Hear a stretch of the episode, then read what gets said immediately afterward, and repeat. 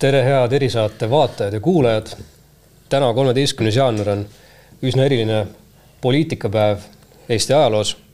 sündmuste jada hakkas pihta juba eile pärastlõunal, kui tulid teated, et KredExis on läbiotsimised. üsna pea selgus, et rahandusministri nõunik Kersti Kracht on kinni peetud ja kahtlustusi on saanud kriminaalkuriteos ka peaministripartei Keskerakond.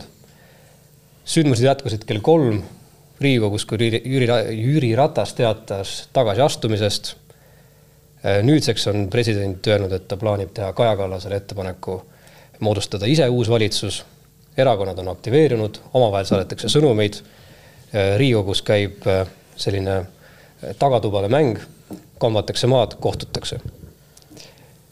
selles, selle valgus tekib küsimus, et millised koalitsioonid, uued võimuliidud on üldse võimalikud minuga on tulnud siia seda asja arutama Eesti Päevalehe ja Delfi peatoimetaja Urmo Soonvald. tervist! Maalehe peatoimetaja Indrek Riikoja. tervist! ja Eesti Päevalehe peatoimetaja Erik Moora. ja mina. tervist Eesti Ekspressi küll, aga. vabandust, Eesti Ekspressi peatoimetaja Erik Moora ja mina ise olen Eesti Päevalehe tegevtoimetaja Mihkel Tamm. tuletan meelde alustuseks ka, milline on jõudude vahekord praegu Riigikogus. kõige suurem fraktsioon on Reformierakonnal kolmkümmend neli saadiku kohta Keskerakonnal kakskümmend viis, EKRE-l üheksateist, Isamaal kaksteist ja Sotsiaaldemokraatlikul Erakonnal koos Raimond Kaljulaidiga võiks öelda, et on üksteist häält. ja, ja enne veel, kui me läheme nende kombinatsioonide juurde, ma loeksin ette ühe tänase tsitaadi Martin Helmet, mis on päris märkimisväärne ja mis annab ka tooni. ta ütles, valitsuse vahetus ei tähenda koalitsiooni vahetumist. Need ei ole omavahel automaatselt seotud meie ühisosa on ju päris tugev ja ka koostöö on olnud kahe aasta jooksul töölaua ümber istudes toimiv. ma arvan, et meie erakonnas on olemas valmisolek proovida leida viis jätkata sellesama koalitsiooniga. ja selliseid sõnumeid sellest, et, et Riigikogus mõeldakse praeguse valitsuskoalitsiooni jätkamise peale, aga uue pea, peaministriga on kostunud meie ajakirjanikele täna ka teistest kohtadest. mida see nüüd kõik tähendab? kuidas teie vaatate, kas meil ongi selline olukord ees, et vahetub peaminister, aga koalitsioon jääb samaks? see võimalus on täiesti ju olemas, aga siin tuleb ka mõista, et miks EKRE seda teeb ja miks äh, EKRE nii äh, sellise alandliku tooni on võtnud ja valmis rääkima kõikide asjade ärakukkumisest asjast, on see, et ikkagi praegune koalitsioon EKRE jaoks on igal juhul ainuke, mis äh, on realistlik, mis saab juhtuda ähm, ja toimuda, et EKRE-l ühtegi teist väljundit valitsusse ei ole küll aga on praegu muid kombinatsioone palju-palju rohkem kui äh, viimase paari aasta jooksul äh, muidu kus sa, Mihkel, alustasid, et täna on Eestis eriline päev, siis mm -hmm. on eriline ka Mailis Repsile, kellel on täna sünnipäev. ja kui Mailis Repsil poleks olnud siin paar kuud tagasi probleeme auto, autojuhi ja autojuhi aja kasutamisega, võiks Mailis Reps täna päris julgelt mõelda, et tema võiks olla kindlasti valitsuses, aga kindlasti võimalik ka uus peaminister aga tänane sünnipäevalaps mängis oma rolli maha paar kuud tagasi. aga kas, kas praegu on selline olukord, et see oli selle uue, aga ütleme samas, samas koosseisus koalitsiooni kokkupanemise ainus probleem on see, et, et kas Keskerakonnal on võtta uus peaministrikandidaat? Tegelikult on probleemid ju sügavamad. no ütleme, see on hästi palju tasandeid, et see, mida avalikult välja öeldakse, see on üks tasand ja aga me ei tea, kes kellega räägib, et kõikidel erakondadel on nii lühikeses kui pikas perspektiivis palju mängus. nagu me enne saadet rääkisime, et Isamaal on koht valitsuses, aga samas äh, koht valitsuses saab panna sidu, seotakse sellega, et mis võib saada Isamaa järgmist esimeest, kuidas on suhted parempoolsetega Reformierakonnal on palju mängus, kas nüüd lõpuks pärast kaheaastast sellist pingutust nad saavad valitsusse või ei saa, kui ei saa, mis saab Kaja, Kaja Kallasest.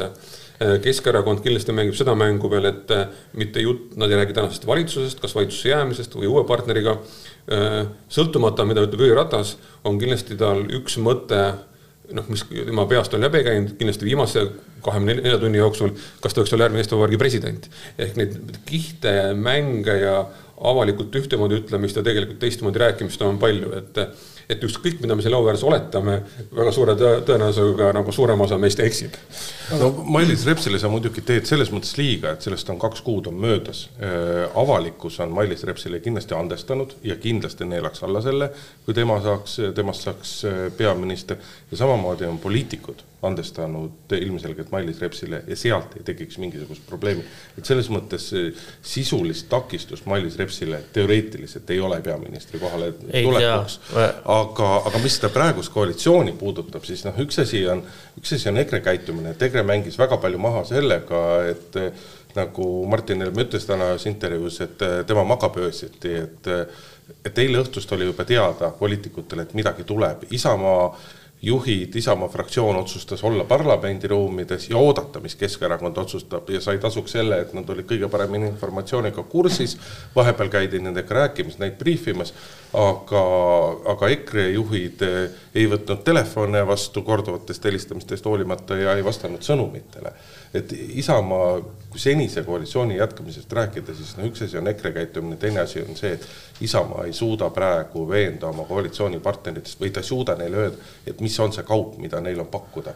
Neil on nii-öelda oma praeguses fraktsioonis on osa saadikuid, kelle tegevuse eest nad ei saa, kelle sõna ja hääle eest nad ei saa lubadusi jagada, lisaks seesama parempoolsete asi, et selles mõttes selle praeguse koalitsiooni äh, jätkamise kahjuks räägib tegelikult väga palju asju. Isamaa, Isamaal on väga selge kaup, mida nad müüvad, nad on ühe suure asja ära teinud, pensionireformi, teine suur asi, noh, peatus täna enne, enne abielu hääletust, aga neil on nende, nende väärtuses aktiva poolel, mis on neil hääled ja nemad saavad oma hääli et pakkuda. Nad ei taha enam mitte midagi Nad saavad teistele pakkuda oma hääli, mida teised, mida iganes tahavad suruda läbi või, või ellu viia et ju juttu käib ju viie, viiskümmend üks pluss, pluss häält on vaja ja Isamaa kindlasti on valmis tsementeerima, nagu me teame Eesti ajaloos, igat valitsust on nad tsementeerinud oma hääleandmisega. jah, et selle, selle hinnanguga olen nõus, millega ma nõus ei ole siin küll on see, et, et kõigile oleks vastuvõetav ja ühtviisi seeditav Mailis Repsi asu, asumine Jüri Ratase asemele. kellele see nii vastumeelne siis on? seal on ikkagi, tuleb aru saada, et korruptsioon on Keskerakonna jaoks äh,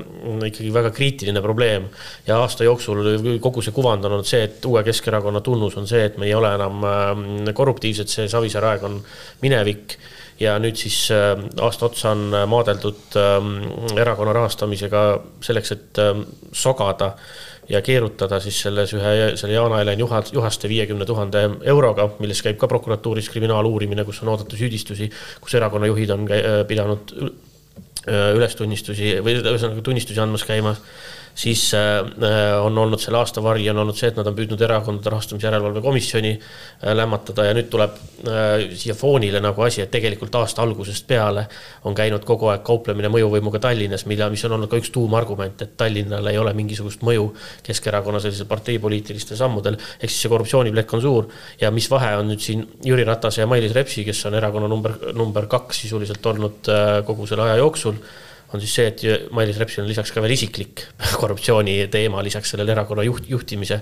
korruptsiooni teemale, et see oleks nagu täielik silmamoondus, kui vahetus seisneks ainult selles. ja Indrek, kui ma nagu su, su mõtet peegeldan edasi, siis kui Mailis Reps andeks kahe kuuga siis ma saan aru, kui me paneme tänast taksomeetri tiksuma, peaks Jüri Ratas saama ka andeks kahe kuuga või? noh, ma arvan, poliitikas mõnikord asjad käivad kiiresti, aga mingeid asju ei anta andeks.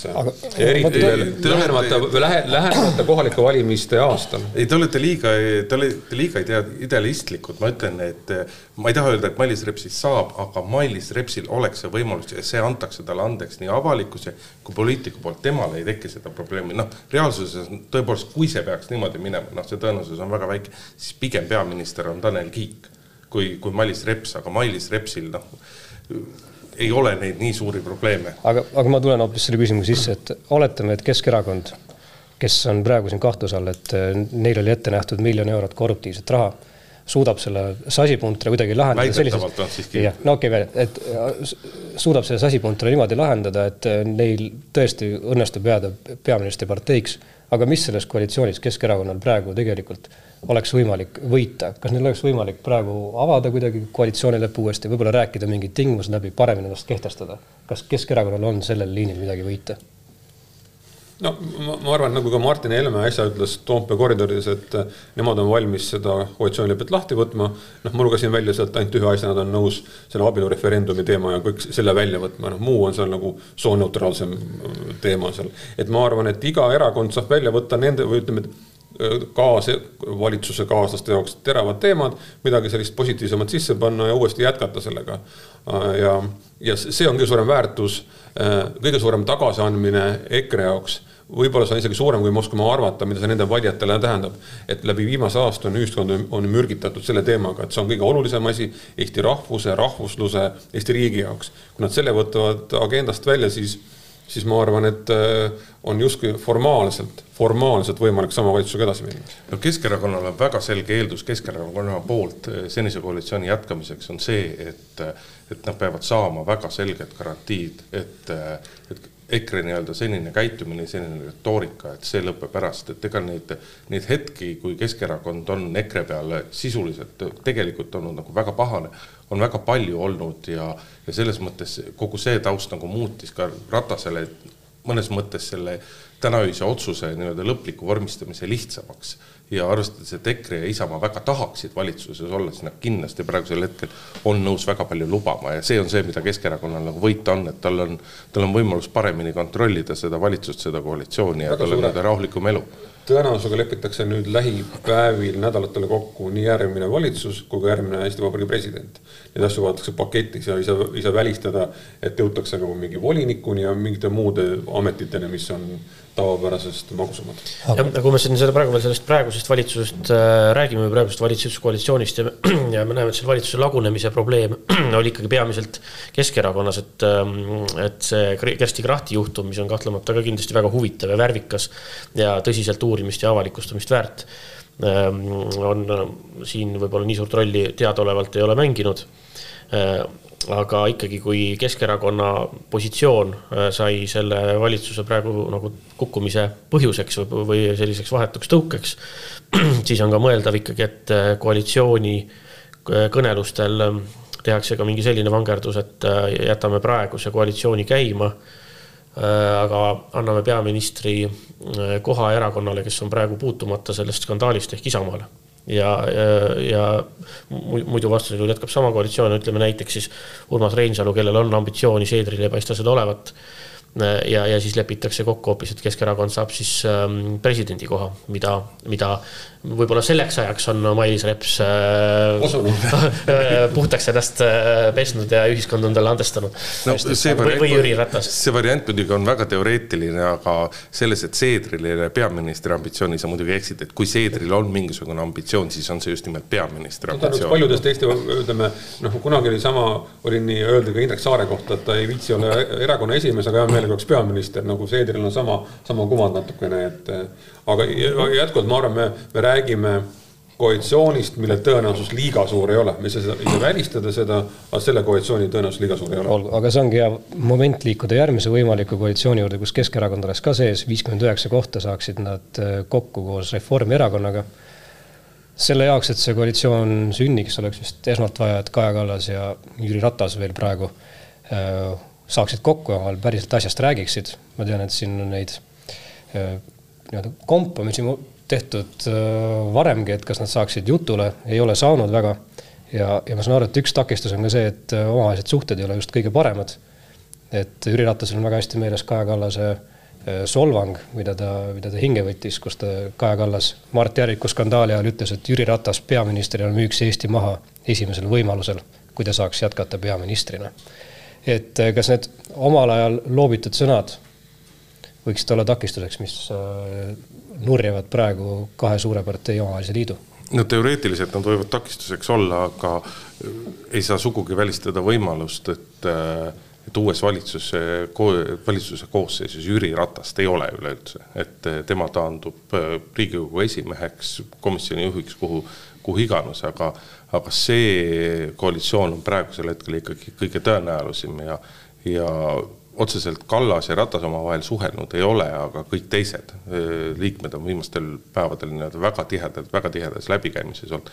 ja Reformierakond on, on seekord küll teinud selle valiku, et nad lähevad nii-öelda selgelt välja ühe kaardi peale, et nad ei hakka erinevalt Riigikogu valimiste järgnevast ajast, et nii-öelda mitut varianti korraga kaalume ja, ja Reformierakond on fookusesse praegu võtnud ikkagi selle koalitsiooni Keskerakonnaga. see on Kaja Kallasele kindlasti nagu lõpueksam, et kas teil on kaks varianti selle, nende noh, päevade, nädalatega, kas ta suudab kandikul taas ette antud võimaluse realiseerida ja moodustada valitsus või selle teine, teine ots on see, et Reformierakond peab valima endale uue esimehe.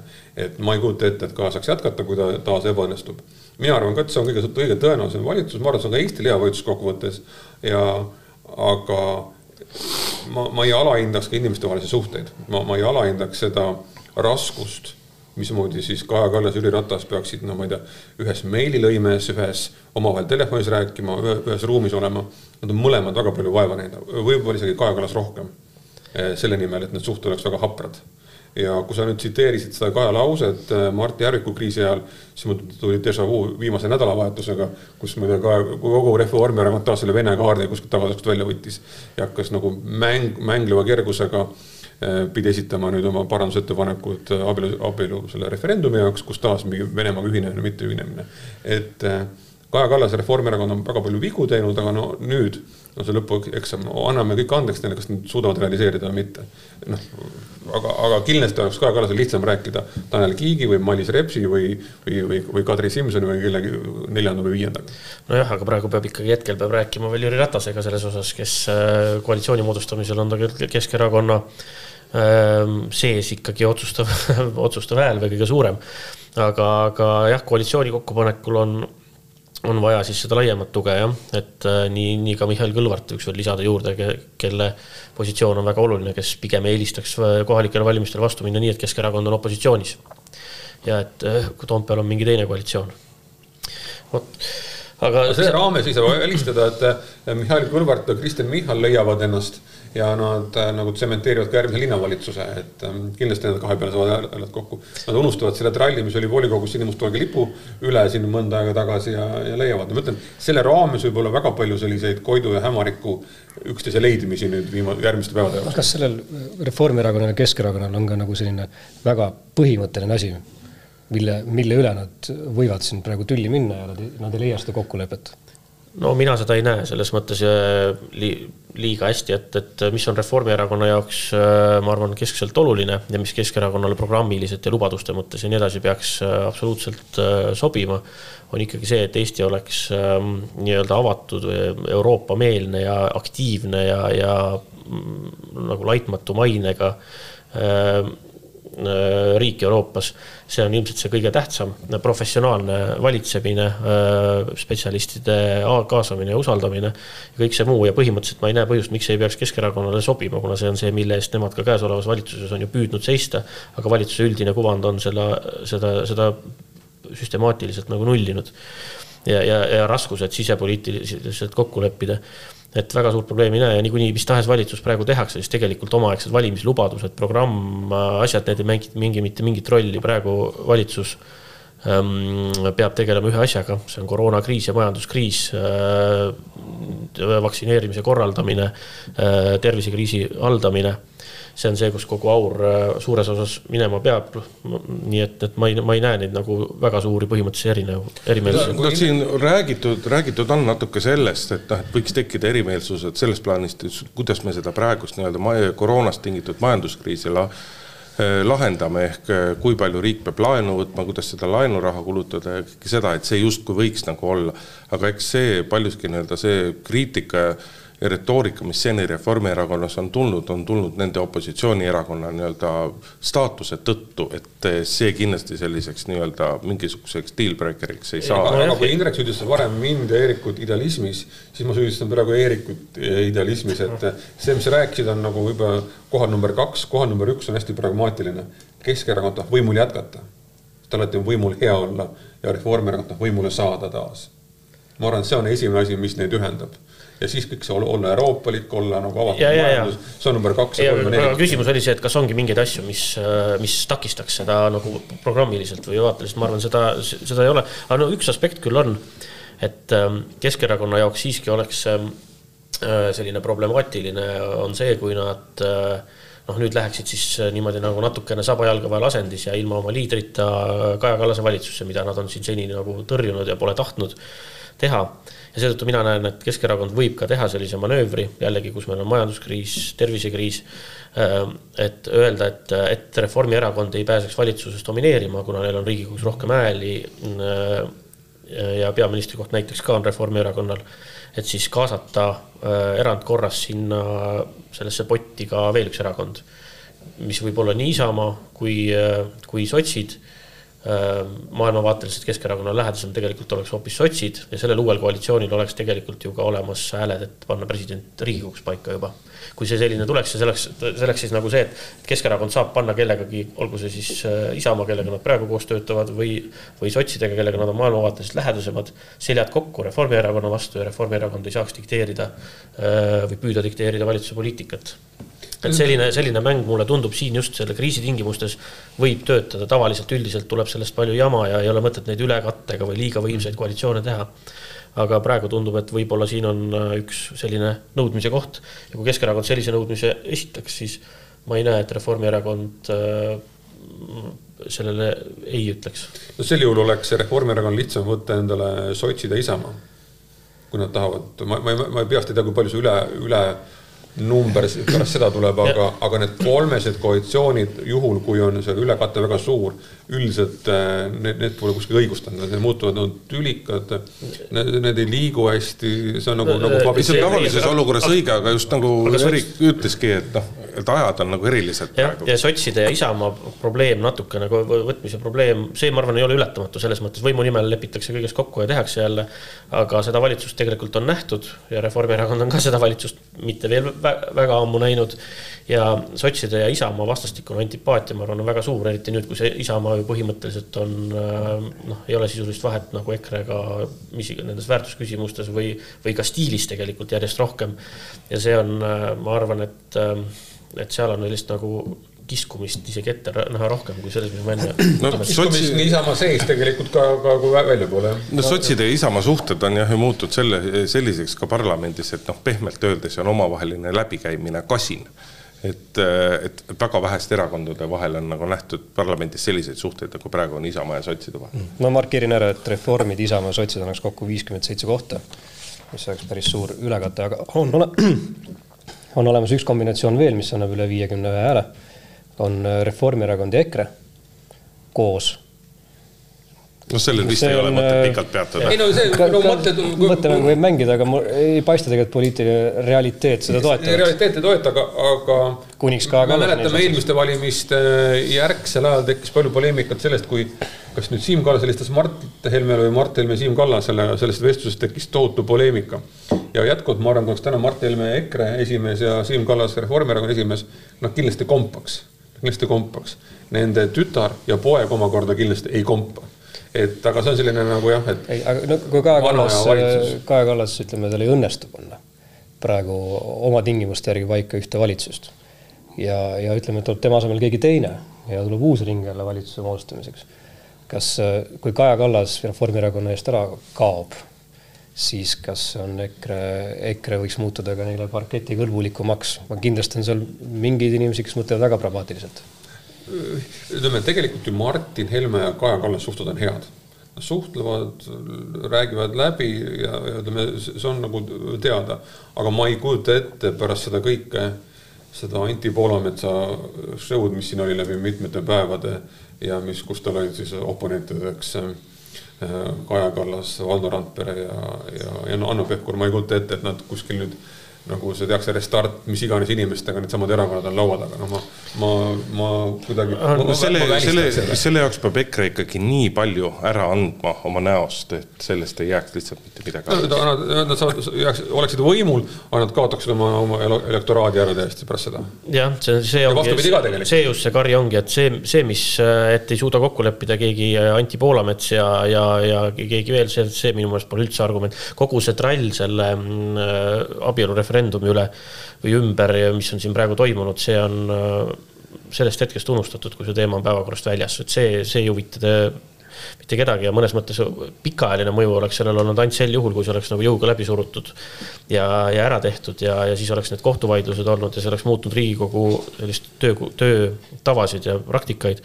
siis oleks sellel olnud pikemaajalisem mõju, praegusel kujul, kui see seisma jäi ei ole sellel, ma arvan küll väga suurt mõju, aga mõju on just selles, et, et EKRE on ehitanud kogu oma valitsusoleku ja kogu selle loogika praegu sellele, et Reformierakonda sõimata ja peksta ja nende Äh, kuulekamad jüngrid küll suudaksid nagu selle oma peas selle pöörde teha päris kiiresti.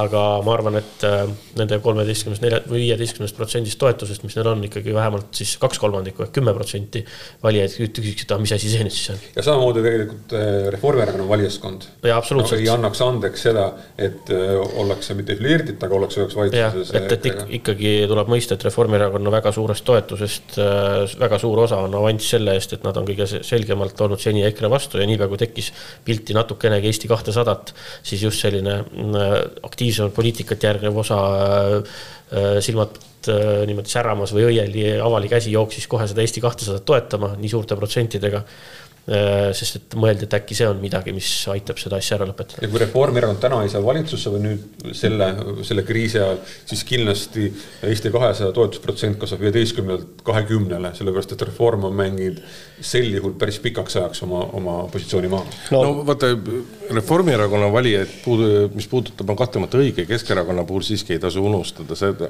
vabandust, mitte Keskerakonna, vaid EKRE puhul, et nende tuumikvalija me ei tea muidugi, kui palju seda on, on see kümme protsenti, kaksteist või kaheksa protsenti. Nende tuumikvalija, kui perekond Helmed ütleb, et äh, Reformierakond on ümber kasvanud ja sobib nüüd küll, siis nad EKRE tagant ära ei kao. hästi, aga ma arvan, et äh, me oleme suhteliselt ühel meelel, kui me peame seda üsna ebatõenäoliseks koalitsiooniks, mis võiks sündida nüüd. aga Eerik juba viitas siin äh, laiale koalitsioonile. ma tõstataksin mõttena ka vähemusvalitsuse mõtte kas, kas see üldse on äh, reaalne variant, kuidas sündima peaks ja kuidas üldse elada võiks? noh, maailma või ütleme, Euroopa poliitajalugu ei tea väga palju pikaajalisi ja edukaid vähemusvalitsusi. Neid on mõtet teha siis, kui on nagu kuskil nagu nurga taga juba järgmised Riigikogu valimised koputamas. aga noh, meil ei ole kaks aastat on ju Riigikogu valimisteni aega, et selle loogika järgi ma ei näe, et no ütleme, nii palju Eesti poliitikutest on sellist paindlikkust, paindlikkust et leida see viiskümmend üks pluss häält, et teha uus valitsus? vähemusvalitsused Eestis on kestnud äh, mõnest kuust kuni pisut rohkem kui aastani oli Reformierakonna ja Isamaa vähem, sisuline vähemusvalitsus. et selleks ei ole valmisolekut, et pigem nii-öelda kõige tagumine asi või noh, kõige hullem asi, mida praegused äh, poliitikud kardavad, on erakorralised valimised. selle vältimiseks noh, ollakse valmis tulema väga palju vastu. vähemusvalitsus on väga kallis see on otseses mõttes maksumaksjale väga kallis, sellepärast sa pead kogu aeg hankima endale lisahääli mingite asjade läbisurumiseks. no ole otsekohesem, sa pead kogu aeg endale lisahääli ostma. jah, ma püüdsin öelda jah, et me, me mäletame neid, äh, küll kui Reformierakond on ostnud roheliste käest kunagi. roheliste käest oma Keskkonnaagentuuri ja, mis kõik veel, eks ole. me, me Eesti, tõesti Eesti riigil on palju raha praegu tänu, ütleme siin tänu Euroopale, aga ma ei ole kindel, et me peame seda nagu kolme või nelja või viie hääle ostmise jaoks ära kasutama jah, ei, ma ka seda vähemusvalitsust ei pea just sellepärast tõenäoliseks, et, et valimisteni on nii pikk aeg. et äh, ma ei teagi, kas poole või kohalikest valimistest kuni Riigikogu, järgmiste Riigikogu valimisteni äh, võetakse selline asi plaani suure tõenäosusega. erakorralisi valimisi ei välistaks ma.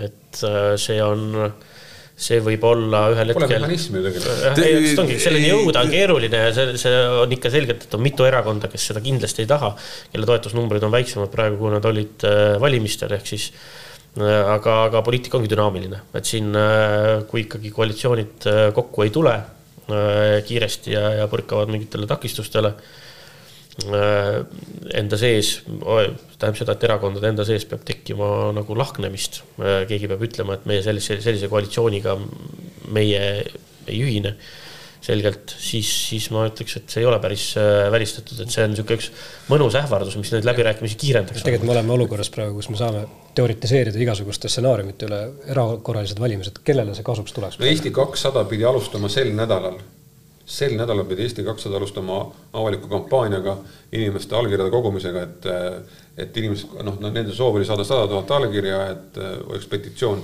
suure mandaadiga, et, et Riigikogu iseenesest laiali saadaks. et saad aru, et see nende jaoks oleks show olnud, aga sada tuhat on juba mingi mandaat, millega Riigikokku minna. noh, ma, ma, ma ei näe ühtegi mehhanismi, reaalset mehhanismi, et inimesed, kelle keskmine palk on circa neli tuhat, on Riigikogu palk vist, eks ju inimesed, kelle keskmine palk on neli tuhat eurot ja kes kuskil mujal ei saaks isegi mitte lähedale sama palju palka, vaataksid peeglisse, ütles, et ma nüüd lähen selle koha pealt ära, saadan ennast laiali siin on poliitiline mõõde, aga väga paljude jaoks on see väga puht pragmaatiline majanduslik mõõde, miks mitte laiali saata ennast. kahe aasta pärast on väga küsit-, küsitav, kas Eesti kakssada valimiskünnise ületaks või mitte, aga kui toimuksid erakorralised valimised, sina eritad täpselt, kas vist kolme kuu pärast sellisel juhul oleks nad no circa, et see, et kolme kuu pärast saaks Eesti kakssada kindlasti sisse, saaks täiesti mõistliku esindatusega sisse. ehk kõigil olemasolevatel, kõik praegused parlamendierakonnad kaotavad ilmselgelt nagu kohti. et selles mõttes see selline erakorralised valimised, et see on sihukeste politoloogide nagu, nagu Eriki on, et selline nii-öelda mängu ilu pärast unistus, et seda oleks nagu tore ja huvitav vaadata, aga reaalsuses selleks ei, noh, ei ole mitte ühtegi huvitatud osapoolt jah, ei noh, kuna näha on, et tahe, tahe praeguse koalitsiooniga jätkata on Isamaal kui äh, EKRE-l suur ja siis äh, panna põhimõtteliselt samamoodi edasi, siis, siis see aga muudab nagu palju ebatõenäolisemaks, et lõpuks jääb ikka selline see variant lauale. ja see tähendab seda, et noh, sest erakorralised valimised tulevad ju mitte ainult siis, kui keegi seda, kui rahvahääletusel mingi asi läbi kukub, vaid ka näiteks siis, kui ei suudeta riigieelarvet teha. Õnneks ka riigieelarve tegemisest oleme me praegu selles kontekstis väga kaugel praegu. aga need Riigikogu liikmed ise ennast laiali ei saada? Selles me oleme ühel meelel, et noh, ma, ma ei kujutaks ette, mida, mida nad peaksid, mis stseeni sööma või mida nõusutama, et nad sellisesse staadiumisse jõuaksid. no igatahes olukord on põnev. Äh, variante on mitmeid, stsenaariumid on äh, mõned lihtsamad, mõned keerulisemad Äh, aitäh, et te tulite aitasite meil analüüsida seda ja, ja heita valgust asjale. vaatame, mis päevad toomad, toovad ja mida juba lähimad tunnid toovad, igatahes Riigikogus ütleme, poliitikutel töö käib. no nädala lõpuks on tõenäoliselt ikkagi uus koalitsioon enam-vähem paigas. ja ma lõpetaksin selle, selle kirjeldusega Riigikogust, mis üks meie ajakirjanikest mulle andis, kui ta teatas mulle, et kirjutas lihtsalt, et asi on otsustatud ma küsisin, et mis asi on otsustatud. kes siis, kes ei, siis moodustavad? jah, ei tea veel, ei tea veel, kelle vahel ja mis on otsustatud, aga asi on otsustatud. ilmselt neid inimesi, kes seal Riigikogus mõtlevad praegu, et asjad on, on juba kirjas ja kuskil kivisse raiutud, on ka teisi, aga, aga jah, Urvo tahtsid öelda midagi? ma tahtsin tsiteerida Eesti Vabariigi peaministrit, ma saan aru, kelle närvid on pingul Riigikogus, kes on öelnud lause Riigikogu, Riigikogu infotunnis. kas Jüri Ratas Eestimaal tohib veel olla või soovite mind siit ka välja saata? tal on närvid pingul no selge, aga tõmbame siin praegu saatele joone alla. aitäh teile ja jõudu tööle